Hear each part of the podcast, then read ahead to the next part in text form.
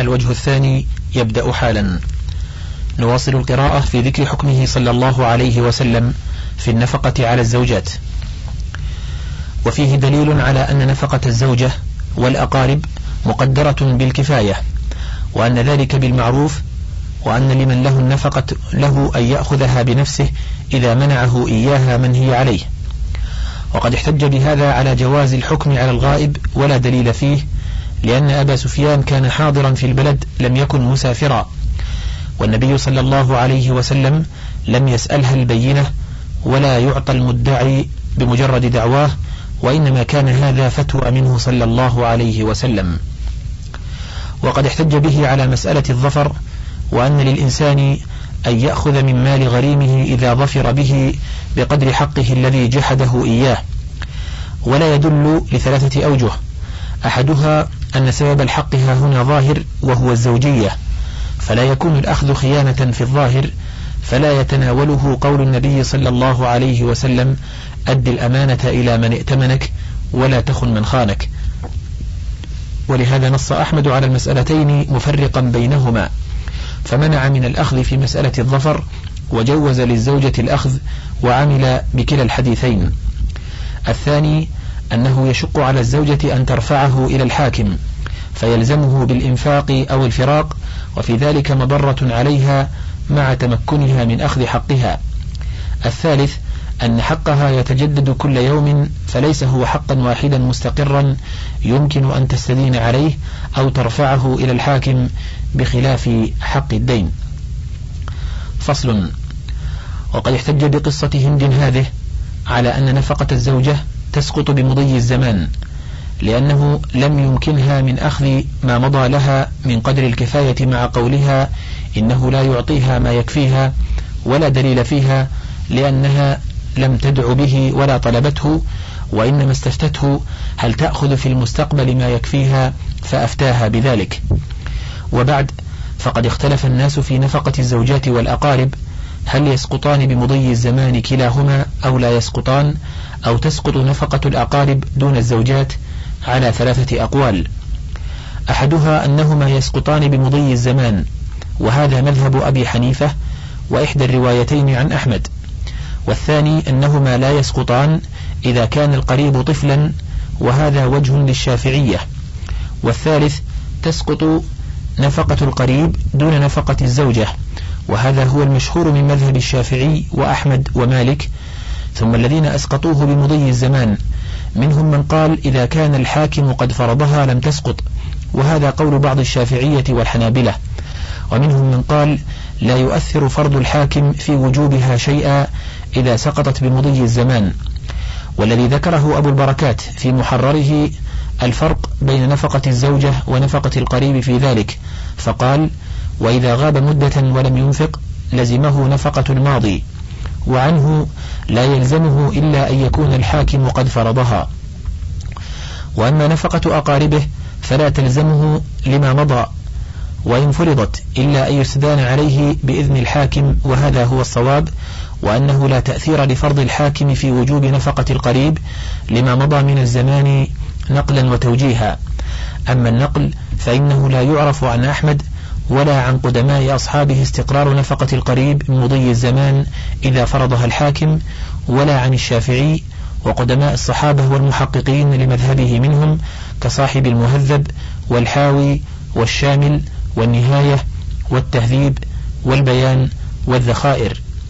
وليس في هذه الكتب إلا السقوط بدون استثناء فرض وإنما يوجد استقراره إذا فرضها الحاكم في الوسيط والوجيز وشرح الرافعي وفروعه. وقد صرح نصر المقدسي في تهذيبه والمحاملي في, العد في العدة ومحمد ابن عثمان في التمهيد والبندنيجي في المعتمد بأنها لا تستقر ولا فرض ولو فرضها الحاكم, الحاكم. وعللوا السقوط بأنها تجب على وجه المواساة لإحياء النفس ولهذا لا تجب مع يسار المنفق عليه. وهذا التعليل يوجب سقوطها فرضت أو لم تفرض. وقال أبو المعالي ومما يدل على ذلك أن نفقة القريب إمتاع لا تمليك وما لا يجب فيه التمليك وانتهى إلى الكفاية استحال مصيره دينا في الذمة. واستبعد لهذا التعليل قول من يقول إن نفقة الصغير تستقر بمضي الزمان وبالغ في تضعيفه من جهة أن إيجاب الكفاية مع إيجاب عوض ما مضى متناقض ثم اعتذر من تقديرها في صورة الحمل على الأصل إذا قلنا إن النفقة له بأن الحامل مستحقة لها أو منتفعة بها فهي كنفقة الزوجة. قال ولهذا قلنا تتقدر.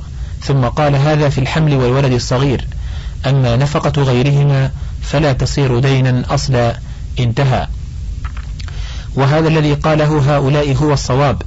فإن في تصور فرض الحاكم نظرا لأنه إما أن يعتقد سقوطها بمضي الزمان أو لا فإن كان يعتقده لم يسغ له الحكم بخلافه وإلزام ما يعتقد أنه غير لازم وإن كان لا يعتقد سقوطها مع أنه لا يعرف يعرف به قائل إلا في الطفل الصغير على وجه لأصحاب الشافعي فإما أن يعنى بالفرض الإيجاب أو إثبات الواجب أو تقديره أو أمر الرابع فإن أريد به الإيجاب فهو تحصيل الحاصل ولا أثر لفرضه وكذلك إن أريد به إثبات الواجب ففرضه وعدمه سيان.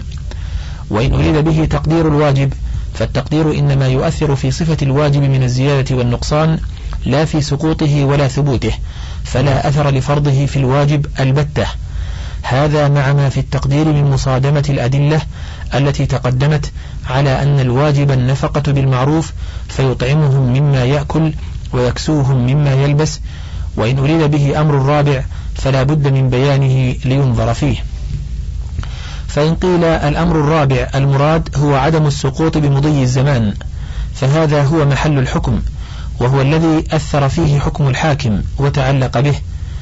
قيل فكيف يمكن أن يعتقد السقوط ثم يلزم ويقضي بخلافه؟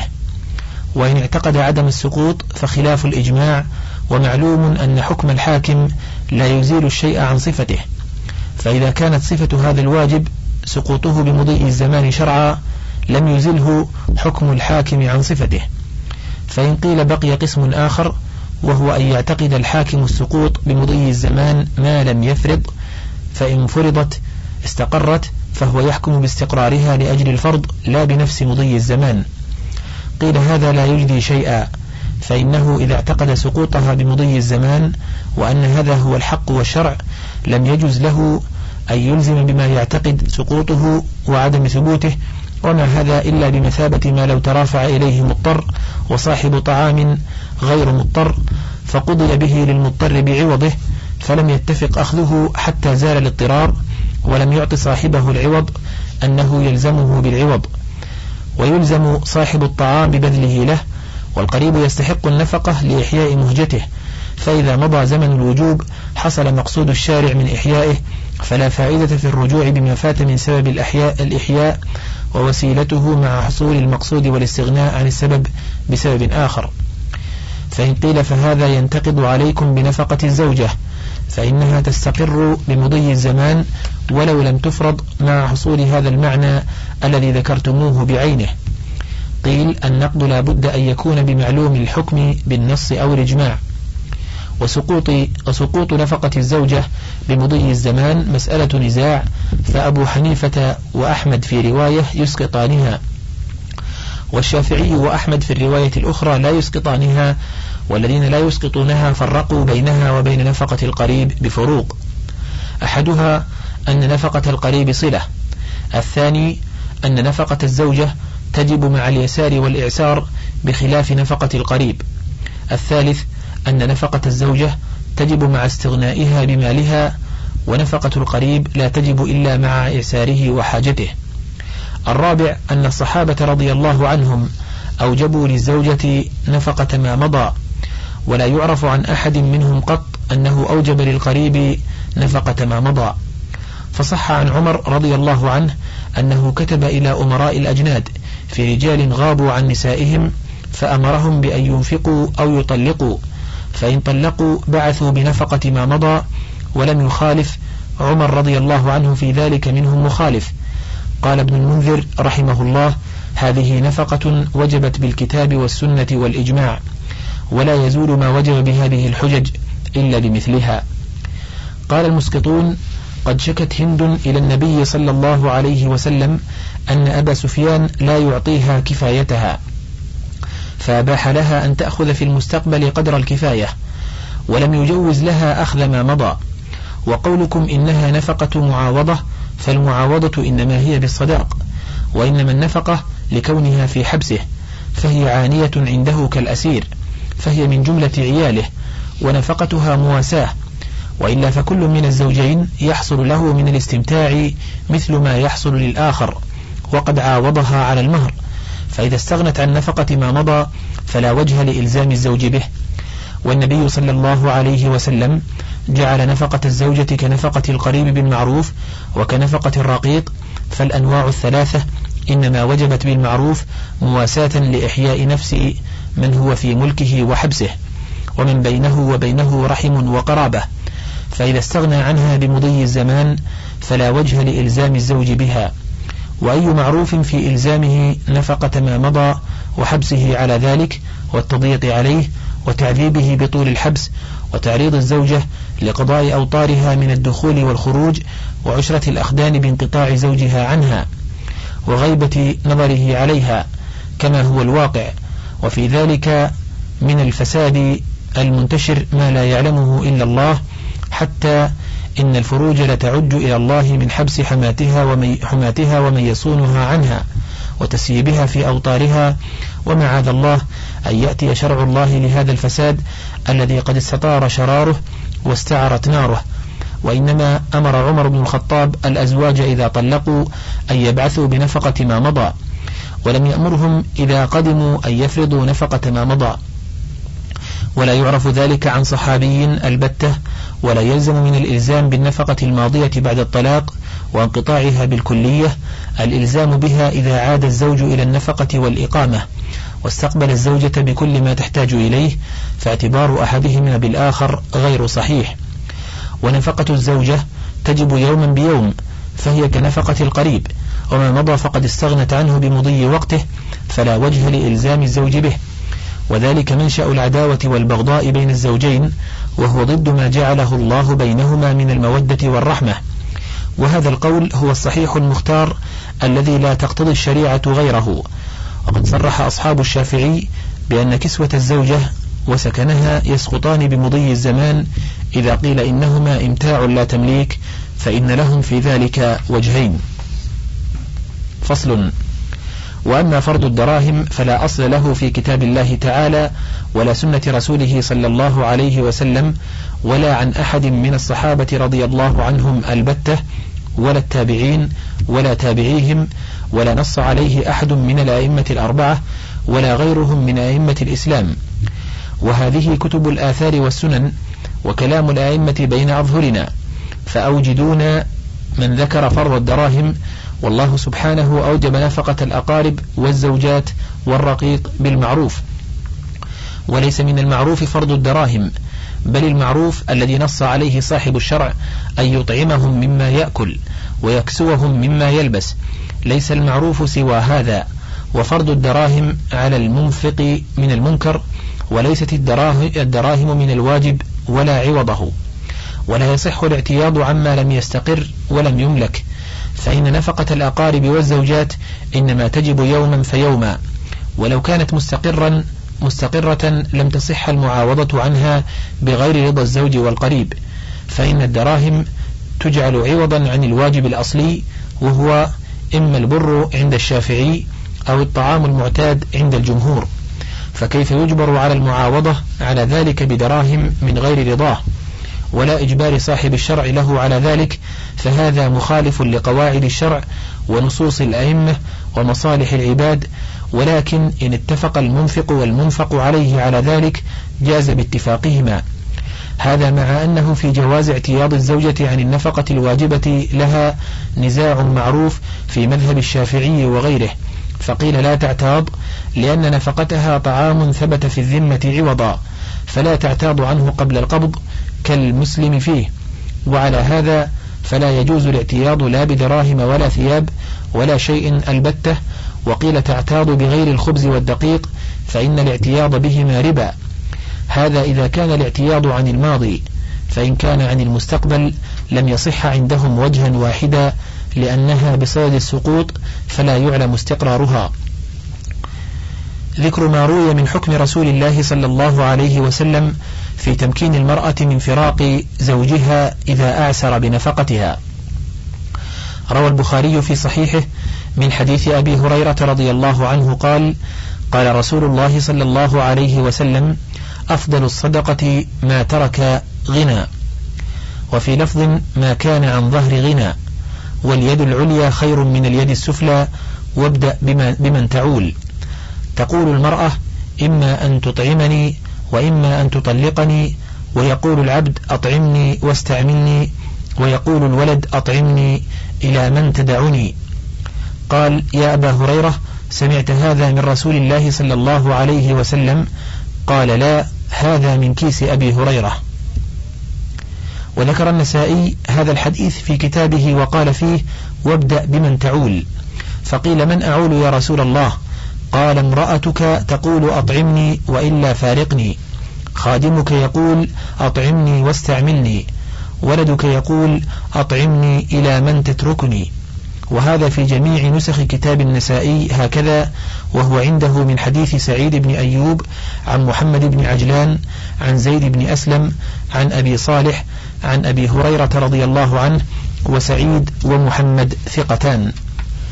وقال الدار قطني حدثنا أبو بكر الشافعي حدثنا محمد بن بشر بن مطر حدثنا شيبان بن فروخ حدثنا حماد بن سلمة عن عاصم عن أبي صالح عن أبي هريرة أن النبي صلى الله عليه وسلم قال المرأة تقول لزوجها أطعمني أو طلقني الحديث وقال الدار قطني حدثنا عثمان بن أحمد بن السماك وعبد الباقي بن قانع وإسماعيل بن علي قالوا أخبرنا أحمد بن علي الخزاز حدثنا إسحاق بن إبراهيم الباوردي حدثنا إسحاق بن منصور حدثنا حماد بن سلمة عن يحيى بن سعيد عن سعيد بن المسيب في الرجل لا يجد ما ينفق على امرأته قال يفرق بينهما.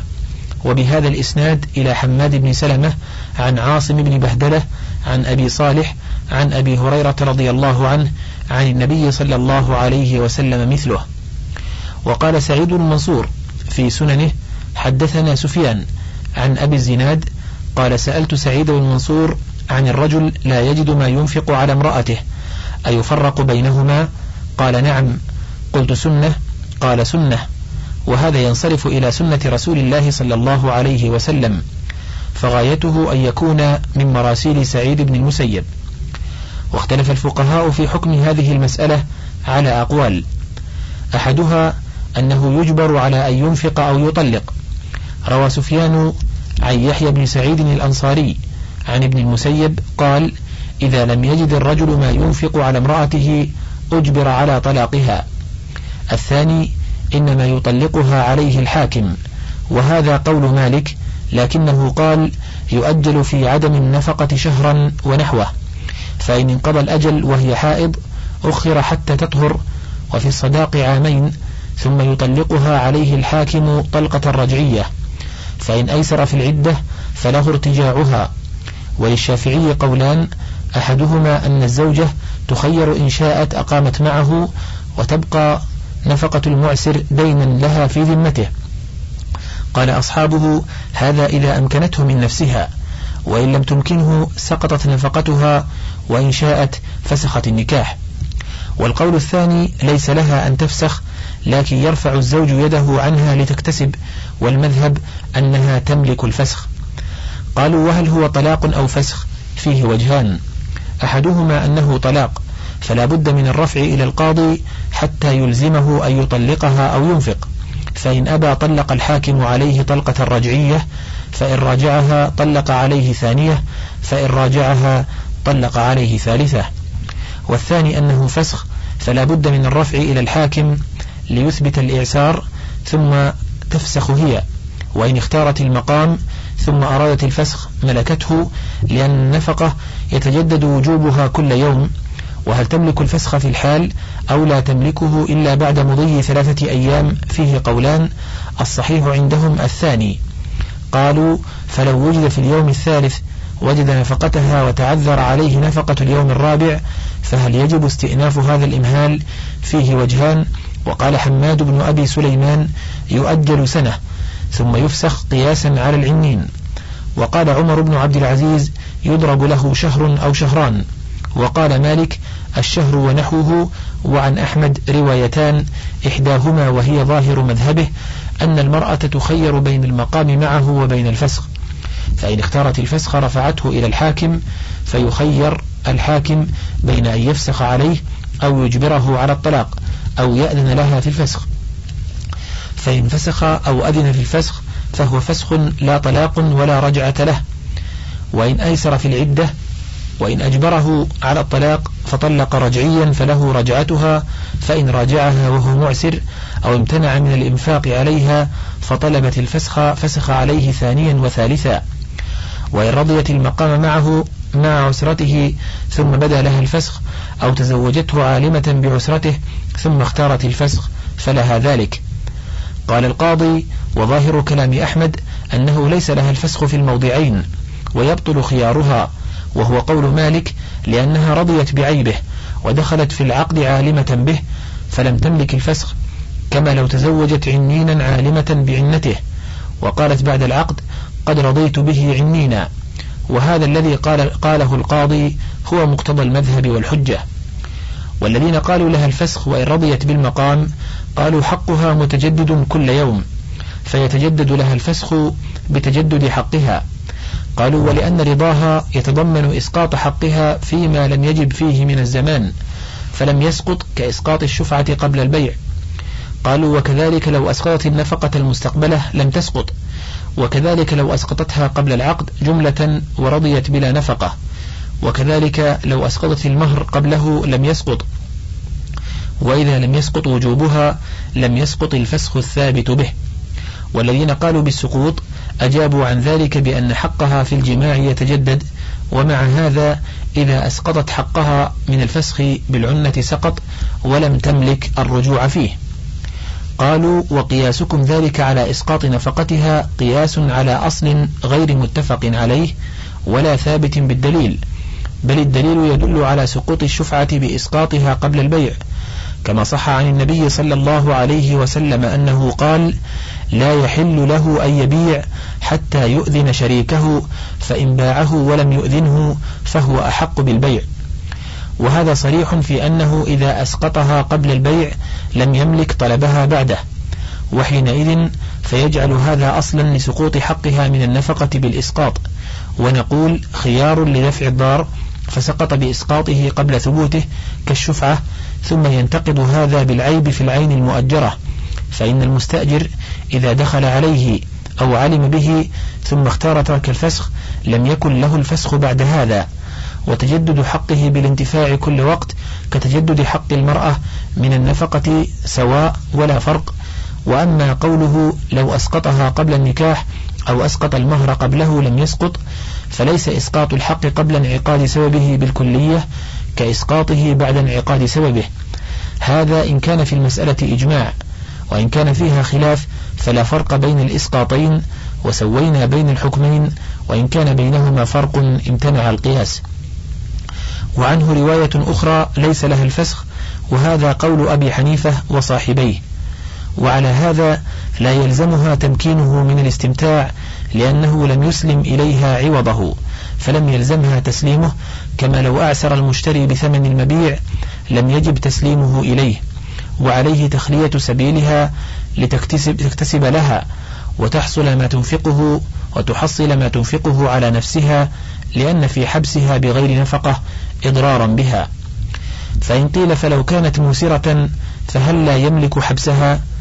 قيل قد قالوا أيضا لا يملك حبسها لأنه إنما يملكه إذا كفاها المؤنة وأغناها عما لا بد لها منه من النفقة والكسوة ولحاجته إلى الاستمتاع الواجب له عليها. فإذا انتفى هذا وهذا لم يملك حبسها وهذا قول جماعة من السلف والخلف. ذكر عبد الرزاق عن ابن جريج قال سألت عطاء, عطاء عما لا يجد ما يصلح امرأته من النفقة. قال ليس لها إلا ما وجدت ليس له ليس لها أن يطلقها. وروى حماد بن سلمة عن جماعة عن الحسن البصري أنه قال في الرجل يعجز عن نفقة امرأته. قال تواسيه وتتقي الله وتصبر وينفق عليها ما استطاع. وذكر عبد الرزاق عن معمر قال سألت الزهري عن رجل لا يجد ما ينفق على امرأته أيفرق بينهما؟ قال تستأني به ولا يفرق بينهما. وتلا لا يكلف الله نفسا إلا ما آتاها سيجعل الله بعد عسر يسرا. قال معمر وبلغني عن عمر بن عبد العزيز مثل قول الزهري سواء. وذكر عبد الرزاق عن سفيان الثوري في المرأة يعسر زوجها بنفقتها قال هي امرأة ابتليت فلتصبر ولا تأخذ بقول من فرق بينهما.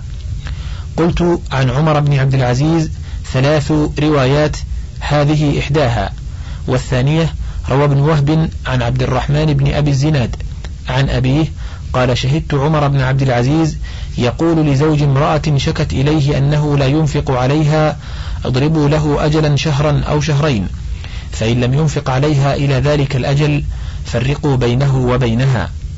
والثالثة ذكر ابن وهب عن ابن لهيعة عن محمد بن عبد الرحمن أن رجلا شكى إلى عمر بن عبد العزيز بأنه أنكح ابنته رجلا لا ينفق عليها. فأرسل إلى الزوج فأتى فقال أنكحني وهو يعلم أنه ليس لي شيء. فقال عمر أنكحته وأنت تعرفه؟ قال نعم. قال فما الذي أصنع؟ اذهب بأهلك. والقول بعدم التفريق مذهب أهل الظاهر كلهم وقد تناظر فيها مالك وغيره. فقال مالك أدركت الناس يقولون إذا لم ينفق الرجل على امرأته فرق بينهما. فقيل له قد كانت الصحابة رضي الله عنهم يعسرون ويحتاجون. فقال مالك ليس الناس اليوم كذلك إنما تزوجته رجاء.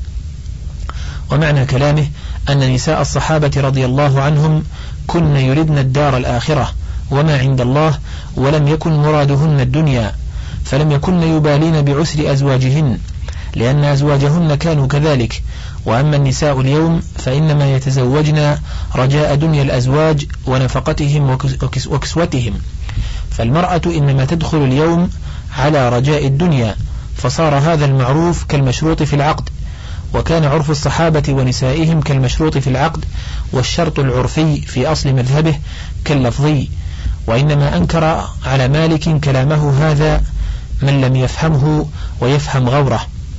وفي المسألة مذهب آخر وهو أن الزوج إذا أعسر بالنفقة حبس حتى يجد ما ينفقه. وهذا مذهب حكاه الناس عن ابن حزم وصاحب المغني وغيرهما عن عبيد الله بن الحسن العنبري قاضي البصرة. ويا لله العجب لأي شيء يسجن ويجمع عليه بين عذاب السجن وعذاب الفقر وعذاب البعد عن أهله. سبحانك هذا بهتان عظيم وما أظن من شم رائحة العلم يقول هذا. وفي المسألة مذهب آخر وهو أن المرأة تكلف الإنفاق عليه إذا كان عاجزا عن نفقة نفسه. وهذا مذهب أبي محمد بن حزم. وهو خير بلا شك من مذهب العنبري. قال في المحلى فإن عجز الزوج عن نفقة نفسه وامرأته غنية كلفت النفقة عليه. ولا ترجع بشيء من ذلك إن أيسر برهان ذلك قول الله تعالى وعلى المولود له رزقهن وكسوتهن بالمعروف لا تكلف نفس إلا وسعها لا تضار والدة بولدها ولا مولود له بولده وعلى الوارث مثل ذلك فالزوجة وارثة فعليها النفقة بنص القرآن. ويا عجبا لأبي محمد لو تأمل سياق الآية لتبين له منها خلاف ما فهمه. فإن الله سبحانه قال وعلى المولود له رزقهن وكسوتهن بالمعروف وهذا ضمير الزوجات بلا شك. ثم قال وعلى الوارث مثل ذلك فجعل سبحانه على وارث المولود له أو وارث الولد من رزق الوالدات وكسوتهن بالمعروف مثل ما على الموروث. فأين في الآية نفقة على غير الزوجات حتى يحمل عمومها على ما ذهب إليه؟ واحتج من لم يرى الفسخ بالإعسار بقوله تعالى لينفق ذو سعة من سعته ومن قدر عليه رزقه فلينفق مما آتاه الله. لا يكلف الله نفسا إلا ما آتاها. قالوا وإذا لم يكلفه الله النفقة في هذه الحال فقد ترك ما لا يجب عليه ولم يأثم بتركه فلا يكون سببا للتفريق بينه وبين حبه وسكنه وتعذيبه بذلك. قالوا وقد روى مسلم في صحيحه من حديث أبي الزبير عن جابر دخل أبو بكر وعمر رضي الله عنهما على رسول الله صلى الله عليه وسلم فوجداه جالسا حوله نساؤه واجما ساكتا. فقال أبو بكر يا رسول الله لو رأيت بنت خارجة سألتني النفقة فقمت إليها فوجأت عنقها. فضحك رسول الله صلى الله عليه وسلم وقال هن حولي كما ترى يسألنني النفقة. فقام أبو بكر إلى عائشة يجأ عنقها وقام عمر إلى حفصة يجأ عنقها كلاهما يقول تسألن رسول الله صلى الله عليه وسلم ما ليس عنده؟ فقلنا والله لا نسأل رسول الله صلى الله عليه وسلم شيئا أبدا ما ليس عنده. ثم اعتزلهن رسول الله صلى الله عليه وسلم شهرا وذكر الحديث. قالوا فهذا أبو بكر وعمر رضي الله عنهما يضربان ابنتيهما بحضرة رسول الله صلى الله عليه وسلم إذا سألاه نفقة لا يجدها. ومن المحال أن يضربا طالبتين للحق ويقرهما رسول الله صلى الله عليه وسلم على ذلك فدل على أنه لا حق لهما فيما طلبتاه من النفقة في حال الإعسار. وإذا كان طلبهما لها باطلا فكيف تمكن المرأة من فسخ النكاح بعدم ما ليس لها طلبه ولا يحل لها؟ وقد أمر الله سبحانه صاحب الدين أن ينذر المعسر إلى الميسرة. وغاية النفقة أن تكون دينا والمرأة مأمورة بإنظار الزوج إلى الميسرة بنص القرآن. هذا إن قيل تثبت في ذمة الزوج وإن قيل تسقط بمضي الزمان فالفسخ أبعد وأبعد. قالوا فالله تعالى أوجب على صاحب الحق الصبر على المعسر وندبه إلى الصدقة بترك حقه وما عدا هذين الأمرين فجور لم يبحه له. ونحن نقول لهذه المرأة كما قال الله تعالى لها سواء بسواء إما أن تنظريه إلى الميسرة وإما أن تصدقي ولا حق لك فيما عدا هذين الأمرين. قالوا ولم يزل في الصحابة المعسر والموسر وكان معسروهم أضعاف أضعاف موسريهم. فما مكن النبي صلى الله عليه وسلم قط امرأة واحدة من الفسخ بإعسار زوجها. ولا أعلمها أن الفسخ حق لها فإن شاءت صبرت وإن شاءت فسخت. وهو يشرع الأحكام عن الله تعالى بأمره. فهب أن الأزواج تركن حقهن أفما كان فيهن امرأة واحدة تطالب بحقها وهؤلاء نساؤه صلى الله عليه وسلم خير نساء العالمين يطالبنه بالنفقة حتى أغضبنه. وحلف أن لا يدخل عليهن شهرا من شدة موجدته عليهن. فلو كان من المستقر في شرعه أن المرأة تملك الفسخ بإعسار زوجها لرفع إليه ذلك ولو من امرأة واحدة وقد رفع إليه ما ضرورته دون ضرورة فقد النفقة من فقد النكاح. وقالت له امرأة رفاعة إني نكحت بعد رفاعة عبد الرحمن ابن الزبير وإنما معه مثل هدبة الثوب. تريد أن يفرق بينه وبينها ومن المعلوم أن هذا كان فيهم في غاية الندرة بالنسبة إلى الإعسار. فما طلبت منه امرأة واحدة أن يفرق بينه وبينها بالإعسار.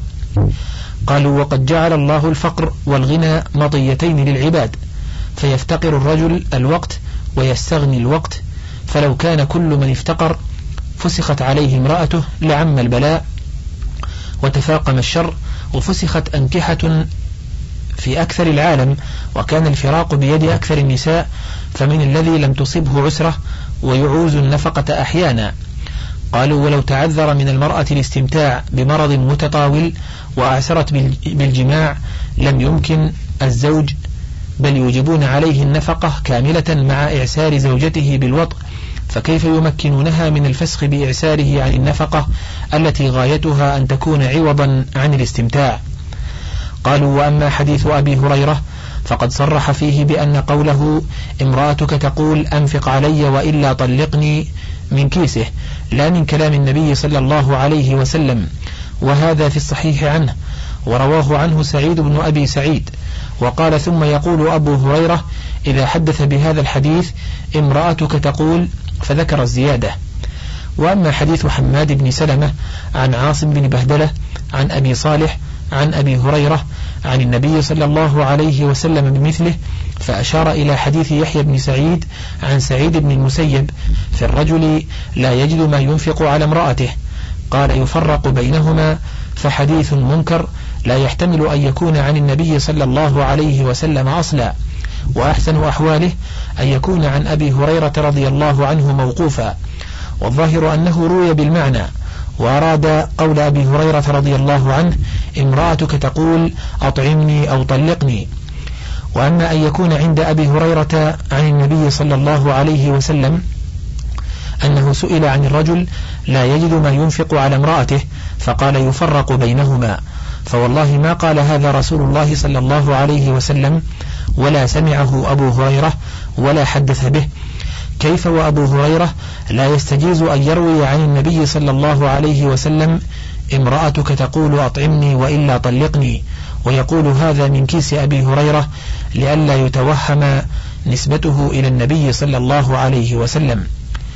والذي تقتضيه أصول الشريعة وقواعدها في هذه المسألة أن الرجل إذا غر المرأة بأنه ذو مال فتزوجته على ذلك فظهر معدما لا شيء له أو كان ذا مال وترك الإنفاق على امرأته ولم تقدر على أخذ كفايتها من ماله بنفسها.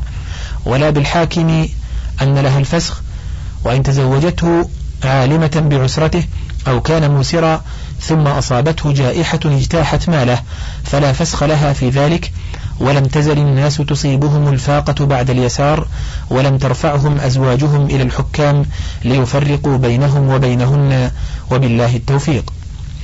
وقد قال جمهور الفقهاء لا يثبت لها الفسخ بالإعسار بالصداق وهذا قول أبي حنيفة وأصحابه وهو الصحيح من مذهب أحمد رحمه الله.